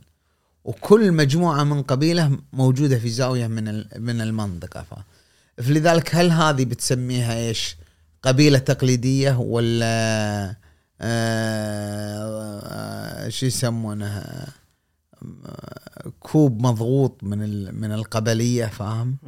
لكن هي منظومة تم خلقها بهذه الطريقة. وأسهل دكتور للسلطة صح؟ التعامل مع كتل. إيه. طبعا. مجاميع. أنا أكسب آه، سيد هذه المجموعة فأكسب الناس اللي تحته كلهم وإيه وال وال والفكرة هذه طبعا هي الآلية. لما ي... في المدينة نفسها لما يجي واحد آه، سرق أو واحد راح وكذا يصيرون الناس شنو شكله يقول والله شكله عجمي شكله آزمي شكله مطيري سوى جريمة سوى كذا. خلاص دق على شكله عجمي ألو آه أنت شيخ العجمان في واحد أمس دخل عندكم متهم بكذا كذا. طلعونه يعني طلعونه فاهم؟ يصبح شيخ العجمان مسؤول عنه أمام السلطة. لذلك شيخ العجمان مثلا اللي في المدينة أو شيخ آه أي قبيلة مثلا تميم ولا في في هذاك الوقت يصبح مسؤول عند الحكومة. بس الحكومة أيضا لها التعامل وياه هو اللي أيضا يسوي ريكروتمنت أو دعوة لل للقوى الشبابية على الانضمام للقوات. أيضا هو اللي يقود ربعه في المعسكر ومجموعة من الأشياء. فوق هذا كلها أيضا هو اللي يقبض الفلوس. الحكومة آه. تعطيه هو نفسه. نجدد شكر لشركة حسابي لرعايتهم لهذا البودكاست. اليوم شركة حسابي توفر خدمات لأي صاحب business سواء كان صاحب business صغير متوسط business آه، عنده في البيت. آه، يوفرون لكم application تقدرون عن طريقه تبعثون لعملائكم آه، روابط آه، واتساب أو مسجات ويدفعون عن طريقهم وتحصلون أموالكم. آه، وأي أحد حاب إنه يعرف أي معلومات زيادة أو يتواصل معاهم معلومات موجودة في الديسكربشن تحت. دكتور بما اننا قاعد نتكلم على القبائل في الدولة الإسلامية آه، انت كان لك تعليق على آه، القبائل في الكويت؟ اعتقد في فيديو كان لمنشور إذا ما خاب ظني. آه، تكلمت عن أزمة الهوية اللي موجودة بالكويت و... والأزمة اللي يواجهونها القبائل وخ- وقلت كلمة إذا ما خاني الظن شوية صار عليها لغط آه، الكويت كانت قرية. مركز دراسات الكويتية الغنيم صدرين كتاب عندما كانت قرية. بعدين المشكلة مو هذه. أصلا أنا ما قلت الكويت كلها قرية. قلت قرية شرق قرية قبلة قرية الفنطاس قرية الفحيحيل قرية الكذا؟ في مجملها. بعدين إذا هذا حساس يزعلون إنها مولودة مدينة أنا موافق. هني تنحل المشكلة. لكن النظرية اللي أنا شرحت فيها هي اللي تستحق التأمل. انه وجود منطقة باسم الكويت سمها قرية سمها دولة سمها إمبراطورية هذه المهم إنها مساحة جغرافية اسمها الكويت مدينة. ها؟ ووجود دولة كبيرة ما كان اسمها الكويت كان اسمها أراضي بن صباح. هذا الاختلاف ولد أزمة في الهوية. إن اللي في القرية يعتقد إنه هو كويتي هو صح هو الكويتي الأساسي. الثاني كانوا يسمون أتباع بن صباح. الشيخ الشيخ مبارك كان يكتب أمير الكويت ورئيس قبائلها. طيب قبائلها هذول موجودين صح؟ مو داخل مدينة الكويت موجودين برا مدينة الكويت. تجي تقول طيب هذا المعنى اللي هو أمير الكويت وقبائلها. قبائلها برا مدينة الكويت. أنت خذيت اسم الكويت نفسه لما سويت الدولة الحديثة خذيت اسم الكويت نفسه للمدينة وعممته على الكويت كلها. إيش سويت؟ الكويتي نفسه صار يشعر الكويتي اللي من المدينة الآن بالنسبة للمدينة ف يشعر إنك يا أخي دخلت واحد وياي دخلت واحد من قبائلها.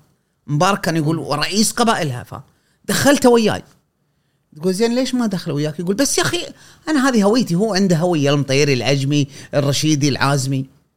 أنا عندي هوية الكويتي. مم. تقول وياك حق صح هذه هويتك بس المشكلة الثانية تعال انتبه إنه في أراضي قبائله قبائلها اللي يتكلم عنها مبارك موجود النفط. إيش بتسوي الآن؟ صحيح ان في الهوية الكويت الأساسية ها، مرتبطة بمدينتك بس النفط والثروات موجودة في أراضي قبائلها اللي قال عنها مبارك لأن تعرف إن المدينة نفس الكويت ما فيها نفط صح؟ يعني يمكن يقال فيها بير واحد يمكن ما ينتج بس كل الآبار وين فيه؟ في أرض المدينة ولا في أرض قبائلها؟ طيب إيش بتسوي بهالسالفة؟ فلذلك إحنا إيش نقول؟ نقول إن هناك إضرار بالهوية الصغرى لمدينة الكويت من خلال تعميمها على إيش؟ على الدولة. هذا الإضرار ممكن يكون لفظ خطأ لفظي يا أخي والله غلطانين فعلا. كان المفروض يسمونها القرين بحكم أن هذا ورد في الخرائط اسمه. أو يسمونها الصباحية نفس ما سووا السعودية الصباحية فاهم؟ وبهالطريقة يشمل أن الكويتي بيبقى كويتي. أنا أقول لك دولة الصباحية فاهم؟ فالمدينة تختصر على الكويت فاللي كان عايش والكويتي وأنا اصير من والله إنه وين كويتي شو اسمه شنو جنسيتك الصباحية إيه. ومن أي منطقة من الكويتية؟ من الكويت أنا كويتي وأنا جهراوي أنا كذا أنا عجمي من برقان من ك فموضوع عدم عدم إيه. عدم ف- تسميته باسم ثاني عفوا أصبح مثل مشكلة لسكانها انه ما يقدر يعرف عن نفسه لا باسم. مشكلة وين صارت إنه أصحاب ال- المدينة الكويت عشان القرية ما تزعلهم فاهم مدينة الكويت هو صار يعتقد أن الدولة هي هو هو. مم. لذلك لما ينظر لك أنت مثلا يعني قبيلة العجمان على الأقل أنا بتكلم. 1860 1860 معركة لقبيلة العجمان في آبار ملح. وبعدها بسنة معركة ثانية في آه، صبيحية. تعرف وين صبيحية وملح؟ هذه الأماكن اللي تحتها النفط. حق البرقان في هالمنطقة. في 1860 الجنسية الكويتية مادة أولى سنة كم؟ شيء و... 1920 يعني قبل كم سنة قبل المادة الأولى؟ 60 سنة تقريبا. 60 سنة قبل المادة الأولى هذول يحارب محاربين قتل العجمان تدري كم في هالمعركه؟ 700 واحد. 700 واحد. مقتولين في معركة ملح والصبيحيه فوق فوق أبار النفط. فوق ابر نفط طيب هذا أنت لما تجي وتقول له يا أخي أنا جدي ميت. يجيك واحد من نفس المدينة هو نفس المدينة. شكل ولا الجنسيه هو يجي. ويقول لك من صدقك؟ أصلا من العجمان شنو العجمان والله من شرق؟ لا مو من شرق. من قبله؟ لا مو من شرق. من وين؟ قال يا أخي أنا من العجمان إحنا نتحرك في هالمناطق ونروح ولا يقول لا خلاص اذا أنت مو كويتي لأن شرق وقبله هو نفسه هذا صاحب هالعقليه لما تجي تكلمه تقول له آبار النفط اللي في ملح عندك أح اللي في برقان عندك أحد ميت فوقها؟ يقول لا بس هذه أراضي الكويت معروفة من زمان. تقول لي يعني أنت تعتقد إن هذه آبار النفط أموالها للشعب؟ يقول إيه الشعب الكويت. في ذهنه يقصد شعب الكويت شعب المدينة. ف تجي تقول زين أنا بسألك إيش رأيك الكويت كانت حدودها كبيرة؟ يقول لك إيه حدودها كانت لوين؟ لقريه 1900 اتفاقية العقير أخذوا نص أراضينا. تلقى هو نفس نفس اللي يقول نفس اللي يقول. اسم الكويت المدينة عنده تصور للكويت الكبرى اللي هي إيش؟ إلى اتفاقية ما قبل اتفاقية العقير. وأنا أقول لك كلامك سليم. حدود الكويت قبل اتفاقية العقير كانت إلى منطقة ملح والصباحيه مو عفوا مو الملح والصباحيه لقريه العليا والمناطق هذه كلها يعني ثلاث أضعاف شعب الكويت. ثلاث أضعاف أرض الكويت. تقول خلاص هذه الأراضي أنت مصر إنها الكويت. يقول لك اي نعم هذه الحق المفروض يرد. تقول زين السكان اللي فوقها كويتيين ولا لا؟ يقول ها؟ تقول أنا من قرية إلى هني إلى البحر إلى كذا يصير مطران وعجمان ورشايدة وعوازم. إيش بتسوي فيهم؟ يقول لا هذول لا مو كويتيين. يقول يا أخي يعني, يعني أنت تبي الاراضي ما تبي المواطنين اللي فوقها. لما يفكر في الاستحقاقات المواطنة يفكر في مدينة الكويت. هؤلاء هم الكويتيين. ولما يفكر في استحقاقات النفطية والكذا يبي الكويت تصير أكبر شيء والسبب هو أزمة الهوية لما شكلت لجان الجنسية شكلت من أراضي إيش؟ من المدينة طبعا بيروقراطيين بينما القبائل اللي قاعدة تترتف ما أعطوها يعني طبعا أعطوها معرفين بس أصروا على المعرفين بمجموعة أفكار بينما لما تجي يقول في الجيش لما جو شكلوا الجيش سووا؟ سووا سالفة ثانية أمير القبيله يستدعوا أمير القبيله يقول تعال نجمع ربعك سووا مسطره للجيش. ندخلهم الكويت عشان محتاجينهم يدافعون عنه فندخلهم. بس لما جاء اللجان الجنسية لا. مو أمير قبيله يسجل قبيلته ويدشون. بعكس لما محتاجهم في الجيش. لما محتاجهم في الجيش لا أمير قبيله يسجل مسطره في الحرب مو. بالرخاء بالرخاء طيب ما. ها؟ يعني أقصد يبونهم بالحرب بس بالرخاء ما يبونهم. يا إيه مو بس هذه المشكلة المشكلة إن هذا الموضوع أورث أزمة. في مجتمع كان صغير وكانت عملية أصلا استقرار الناس. تفهم فيها بقى وين ولدت أزمة؟ إنه أغلب البيروقراطيين والمسؤولين كانوا من من المدينة. وهذا طبيعي. يصير في كل العالم. المدن هي اللي تنتج البيروقراطيين والمسؤولين كذا كذا. وش يسمون؟ والقبائل تنتج المقاتلين وكذا. وهذا دائما يعني في تاريخ منطقتنا. بس شو المشكلة؟ إنه هذا ابن المدينة اللي صار في تصوره مفهوم للدولة باسمه اللي هو الكويت. صار لما يقبل الاخرين يقابل الاخرين ما يصدق إنهم كويتيين. لأن أنت من يوم يسألك تقول أنت كويتي؟ تقول أنا فلان فلان العجمي كويتي وهذه جنسيتي. صدق. أصلا وين كنتوا؟ شرق ولا قبل؟ قول لي اسم فريجكم. فانت تقول والله ما عندنا فريج. إحنا كنا نتنقل. ف يعني جايين. جابر العلي جابكم. ف تقول والله مو جابر العلي جابنا إحنا موجودين محاربين 1860 يعني قبل جد جابر العلي يولد. 1860 إحنا 1861 محاربين في المطلع. قتل العجمان أكثر من 2000 واحد في معركة الطبع. 1861 إيش بتسوي فينا؟ هو داخله ما يصدق. هو ما يقبل أصلا. لأنه هو أصلا ما يسوي ريكوجنيشن لأنك جزء من تاريخ المدينة لأنه هو يقيس تاريخ الدولة للمدينه هذا الفرق وأنا طبعا في في العرض اللي أنا قدمته أنا متفهم لشعوره بالعكس أنا قاعد أشرح أزمة الهوية. إنه لأنه هو يفكر باسم الدولة اسم الدولة الكويت والكويت هي المدينة. إذا أنت مو سكان الكويت شلون تصير إيش بالدولة فاهمني في يقول هذه المعاني أشكلت علينا كمجتمع الآن.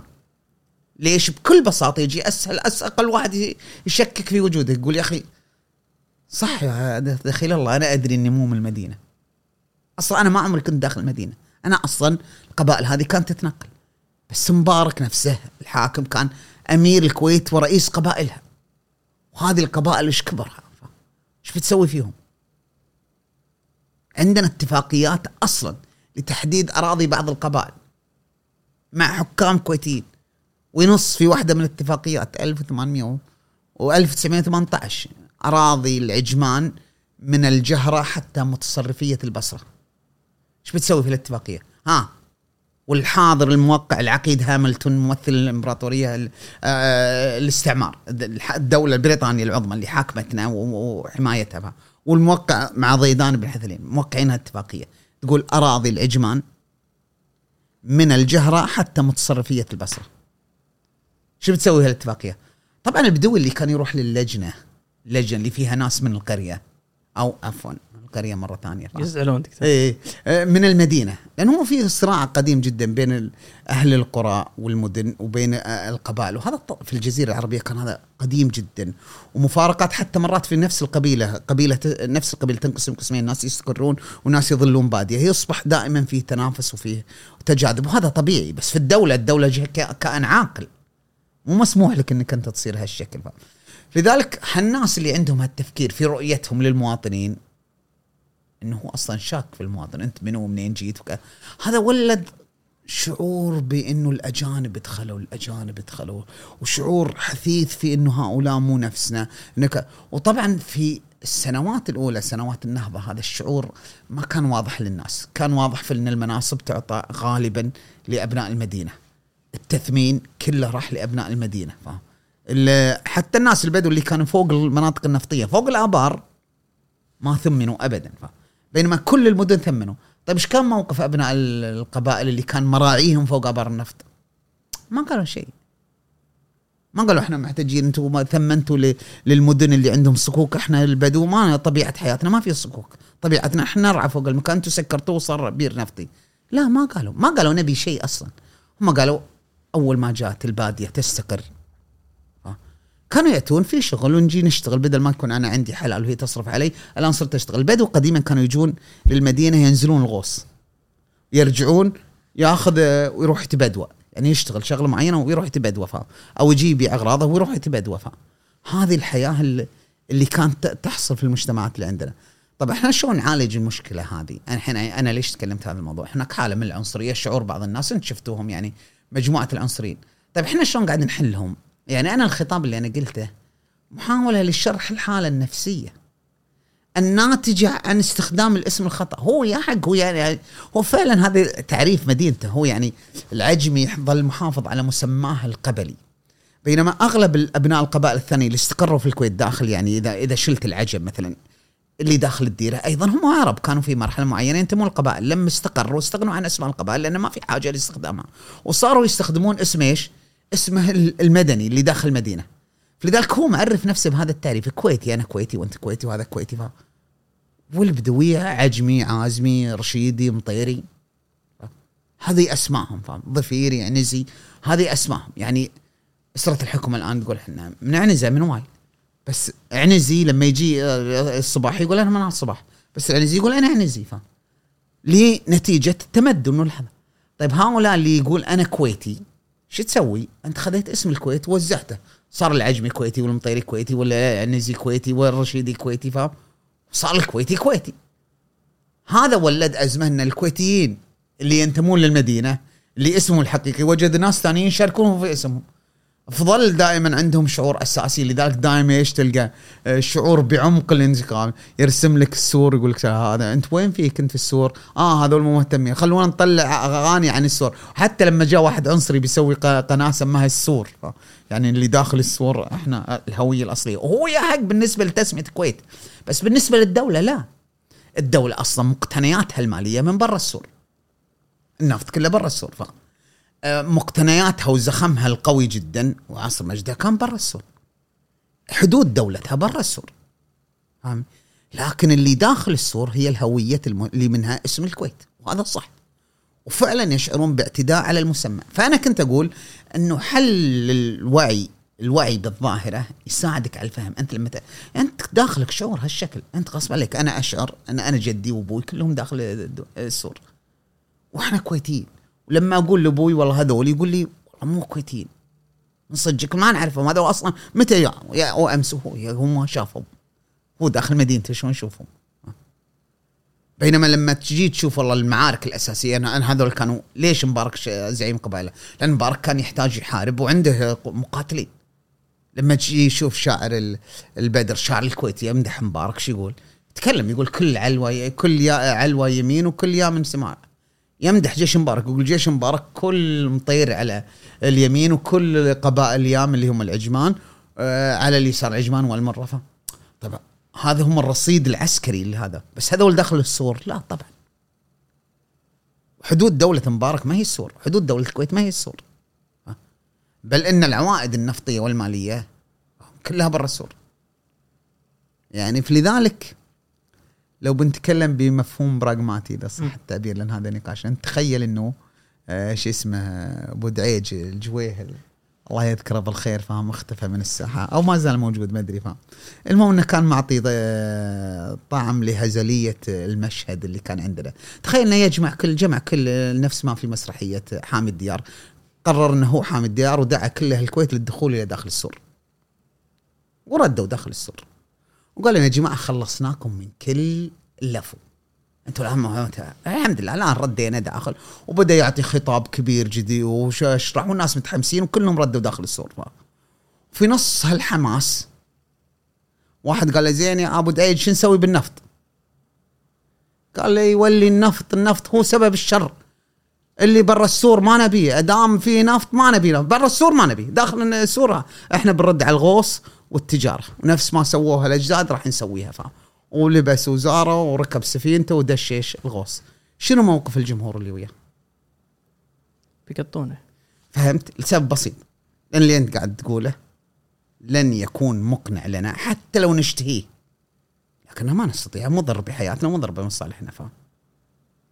لذلك إحنا اللي قاعدين نقوله إن حالة التشرذم المصنوعة نتيجة لوعي خاطئ في آليات فهم الهوية ينتج ترذمه في المجتمع، يعني المجتمع لما يصير على على شفا جرف من قضية التقسيم.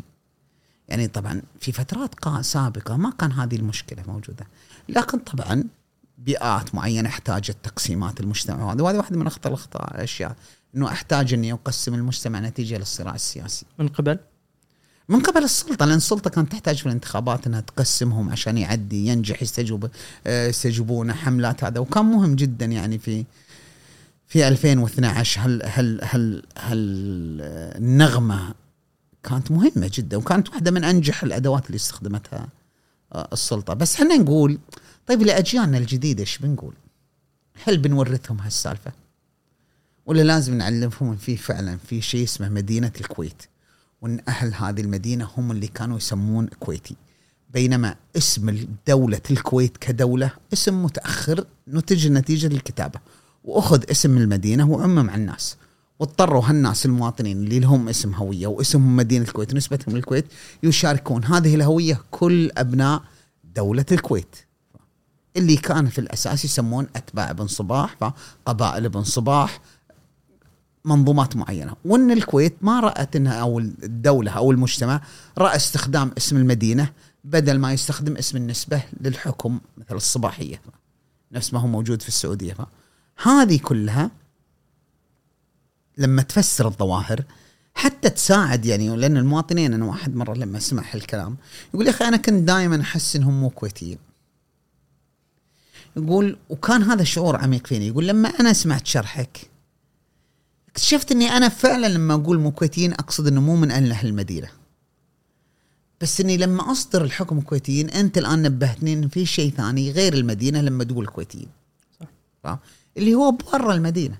أنا أعتقد دكتور آه، صدق إحنا لما نتكلم عن الكويت لسبب من الأسباب لما يجيك واحد نفسك يوضحها بس لسبب من الأسباب نقول الكويت داخل السور بس تملك ما برا السور. يعني هذا هذا مفارقة صدق غريبة ها؟ يعني نتكلم إنه بالكويت قبل كانت سور وهذا السور يحميها ما يعني معناته يحمي هذه الدولة. بس بنفس الوقت صدق شلون الكويت تقول هذه خرائط لا تملك ما ورا السور. فأعتقد هذه المفارقة اللي اللي كان المفروض يجي واحد ويحط على قولتهم إيده على الجرح ويبينها. بس أنا ال- ال- اللي بعرفه يعني إذا نقدر نربطه يعني انت هل هذه مشكلة نفس المشاكل اللي صارت فرضا عندنا لما نتكلم عن التاريخ الاسلامي يعني نتكلم على مشكلة صار لها اليوم متوارثة من أكثر من 100 سنة. فهل إحنا آه، حبنا للمثالية لما نيجي نسرد تاريخ الكويت؟ هل هو هذا يقوي هذه المشكلة اللي عندنا يدعم استمرارها؟ يعني نحن نذكر انه والله السلطة في الكويت في السابق على الأقل في مناهج الدراسية إنه والله كانت سلطه ممتازة وعادلة مع الشعب وما كان في مشاكل بين طوائف الكويت وقبائلها وهذا إن إحنا نلفت النظر عن هذه المشاكل اللي كانت موجودة هل تعزز وتخلي هذه المشكلة تستمر اليوم يعني؟ في الواقع لازم نتذكر إنه هذه التحديات عندنا بشكل أكبر لأن إحنا مجتمع منفتح ونعبر أنفسنا. موجودة في الدول الخليجية بدرجات مختلفة، موجودة عند القطريين جزء من المشكلة، موجودة عند السعودية عند البحرين الآن في مشكلة هي مشاكل موجودة نتيجة لتركيب الدولة الحديثة، الدولة الحديثة تركيبها من أجزاء من منظومات قديمة فاهم؟ آه لكن هذا التركيب يحتاج وعي. طيب إحنا الكويتيين ليش عندنا؟ لأن عندنا جانب الحرية في الناس يعبرون. وهذا يخلي المماحكات تزداد، لكن أيضا عندنا ميزة ثانية إنه مسموح للعقول أن تعبر عن نفسها، وهذه العقول إذا عبرت يجب أن آه، تقدم هذه الأطروحات ل آه، لتجاوز الأزمة. يعني هناك خطابات تقدر تاخذها على أساس إنها والله عشان أنا أغضب منها يعني أنا الكلام اللي قلته كان هو اعتذار للناس اللي يشعرون بأن الآخرين مو من هويتهم. يروح ويزعل يقول لا ليش تقول هذا؟ ويفكر لك في جزئيه مثل ما قلت يفكر في كلمة قرية ويترك الموضوع كله. تقول يا أخي شيل القريه خلاص عمرها ما كانت قرية. هي ولدت مدينة. بس فكر في القيمة الأهم.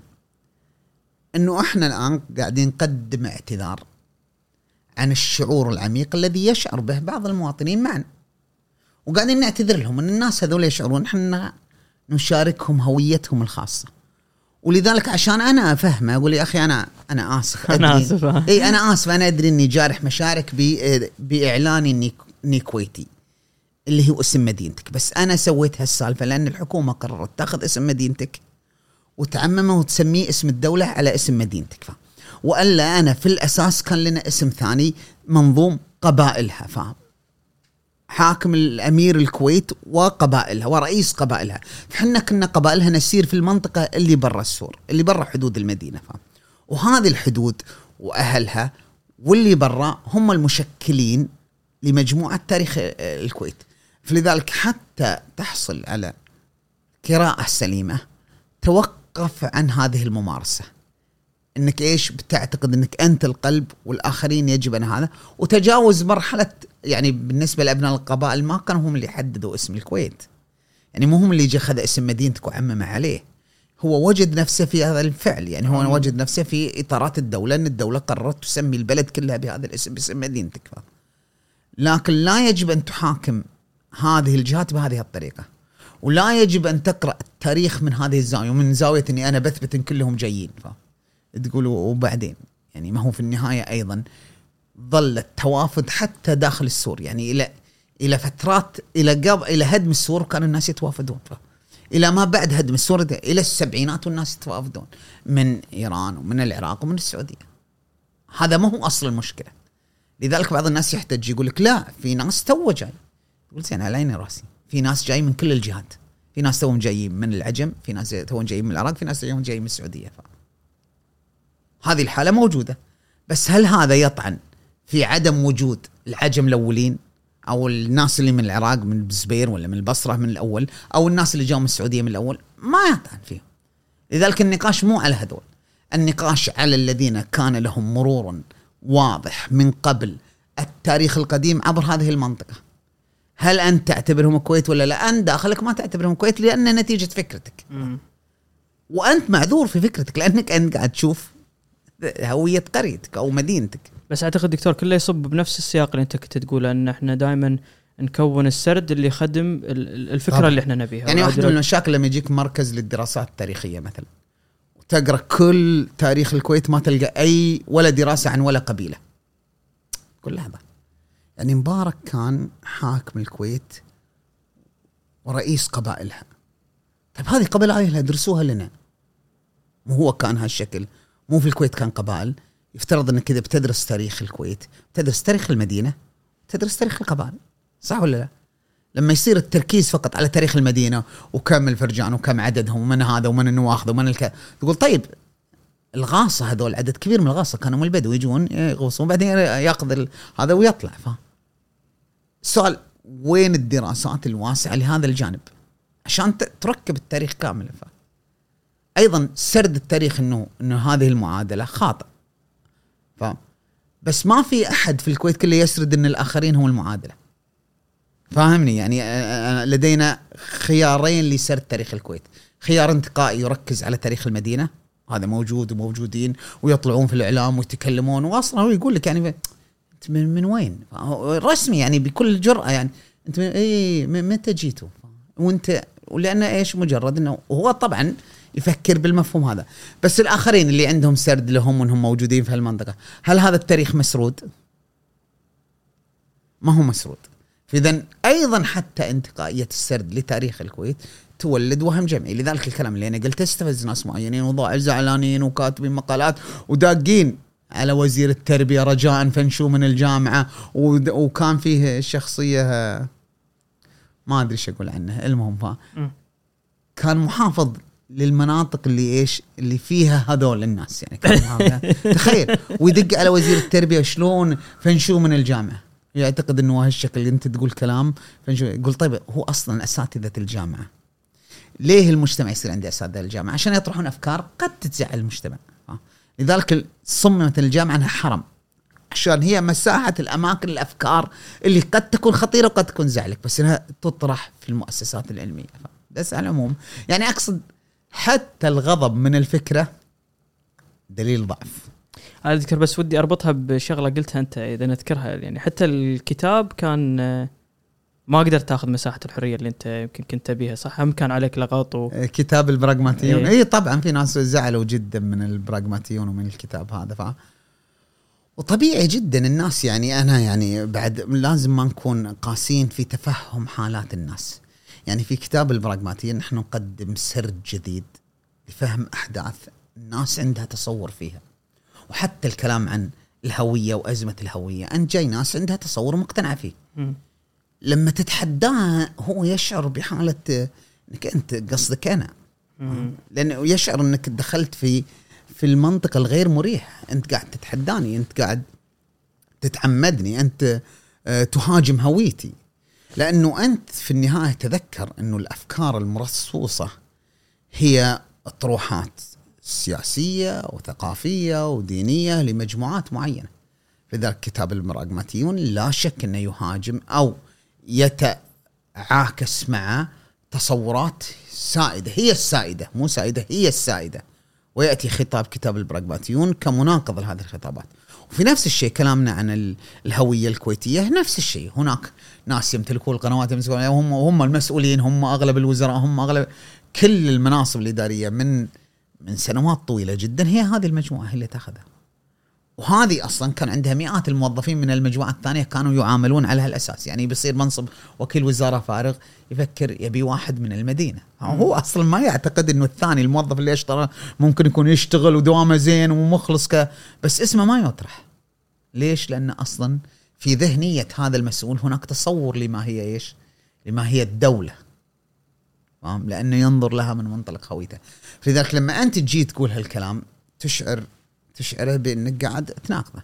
بينما هو يفترض مثل هذا الكلام أنه يثير جدلا عقلانيا لمكافحة النزعات السلبية في المجتمع.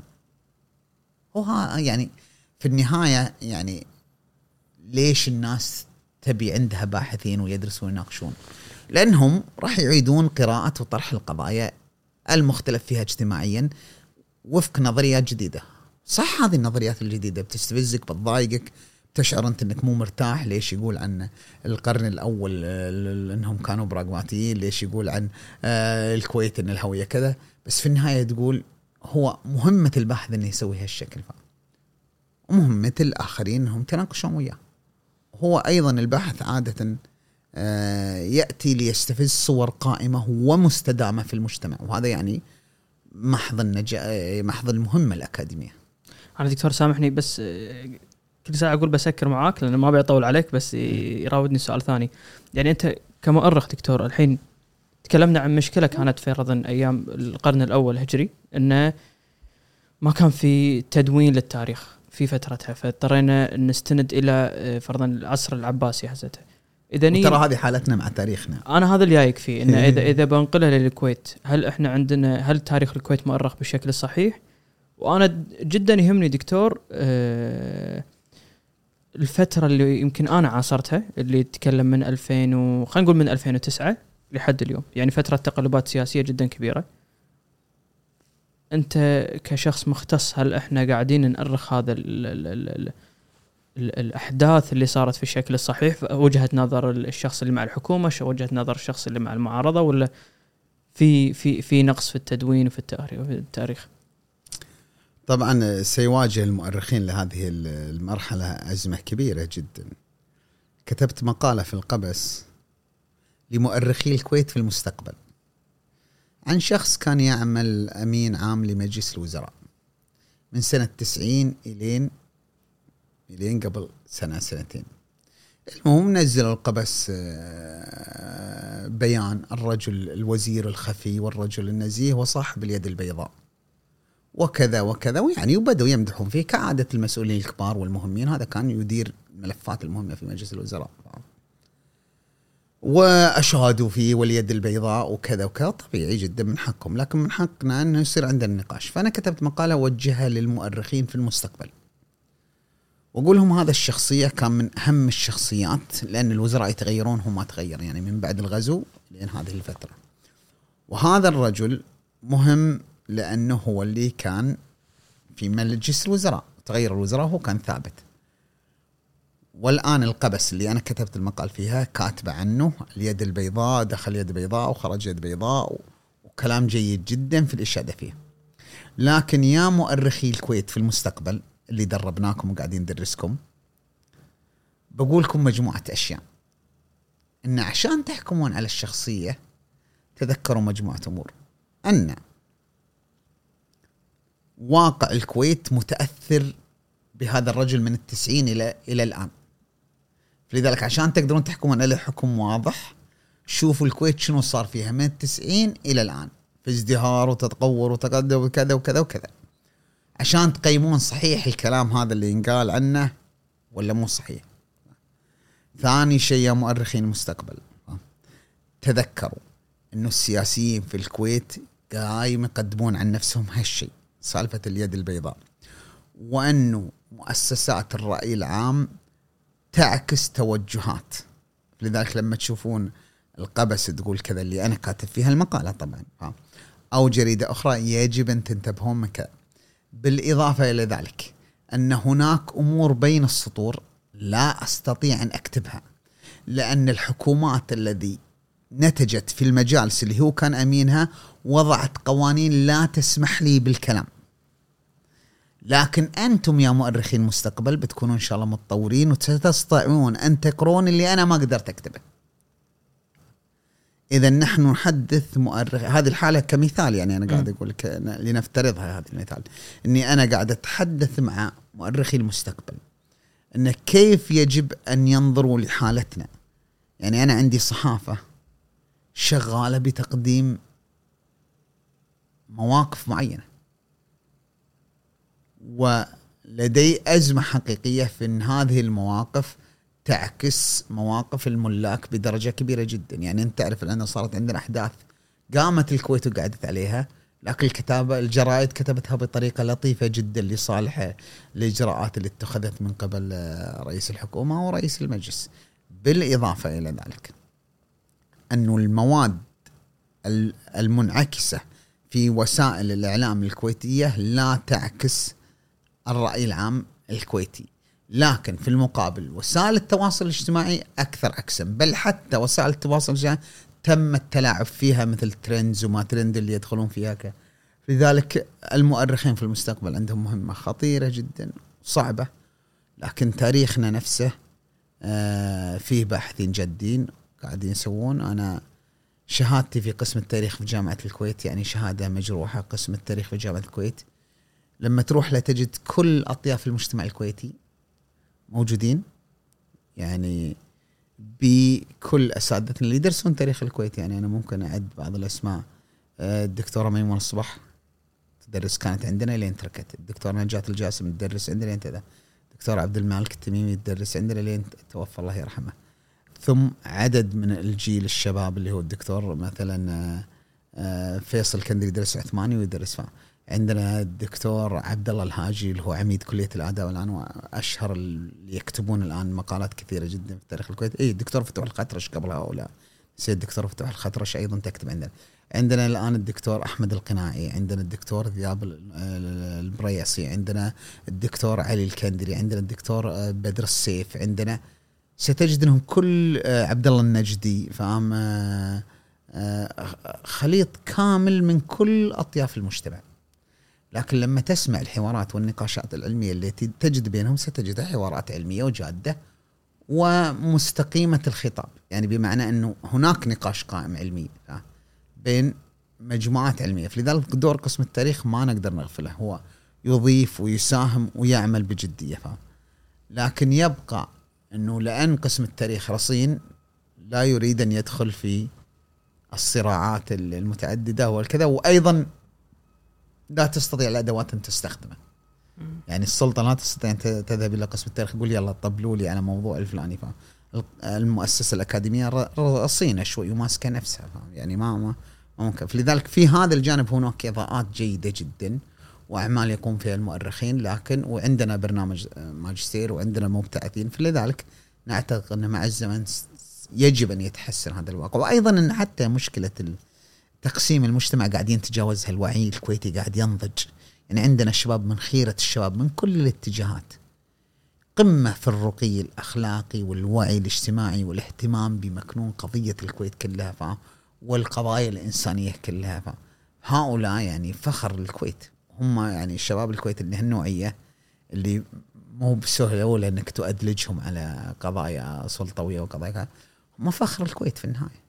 ويعني هؤلاء يكفون للخليج كله يعني رغم انها صغر الكويت لكن ما لدينا من شباب وطاقات يكفون يسيرون الخليج كله لو أتيحت لهم فرصة إنهم يعكسون أنفسهم. يعني لولا إنه يتركوا لولا إنهم يختارون بعض الشخصيات اللي يقابلونهم لو يجيبون الشباب الحقيقي الواعي عندنا أشياء مشرفة جدا. ويجب أن نفتخر فيها. أنا فخور والله يعني بأجيال الشباب اللي اتعامل وياهم وبأبناء الكويت الحقيقيين اللي يطرحون قضايا ويناقشون كذا كذا. وفي المقابل أعرف الناس اللي يستخدمون لأدوات معينة وهذا موجودين في كل الأطياف. يعني لا يمكن أن يصبح هناك نقد مخصص لجهة معينة. العموم دكتور مشكور. مشكور على وقتك. جزاك الله خير على ايتك. شكرا لك على هاللقاء الطويل لكن الجيد جزاك الله خير. لا المفروض أطول بعد بس إحنا عذرناك شوي هالمرة. مشكور. ما قصر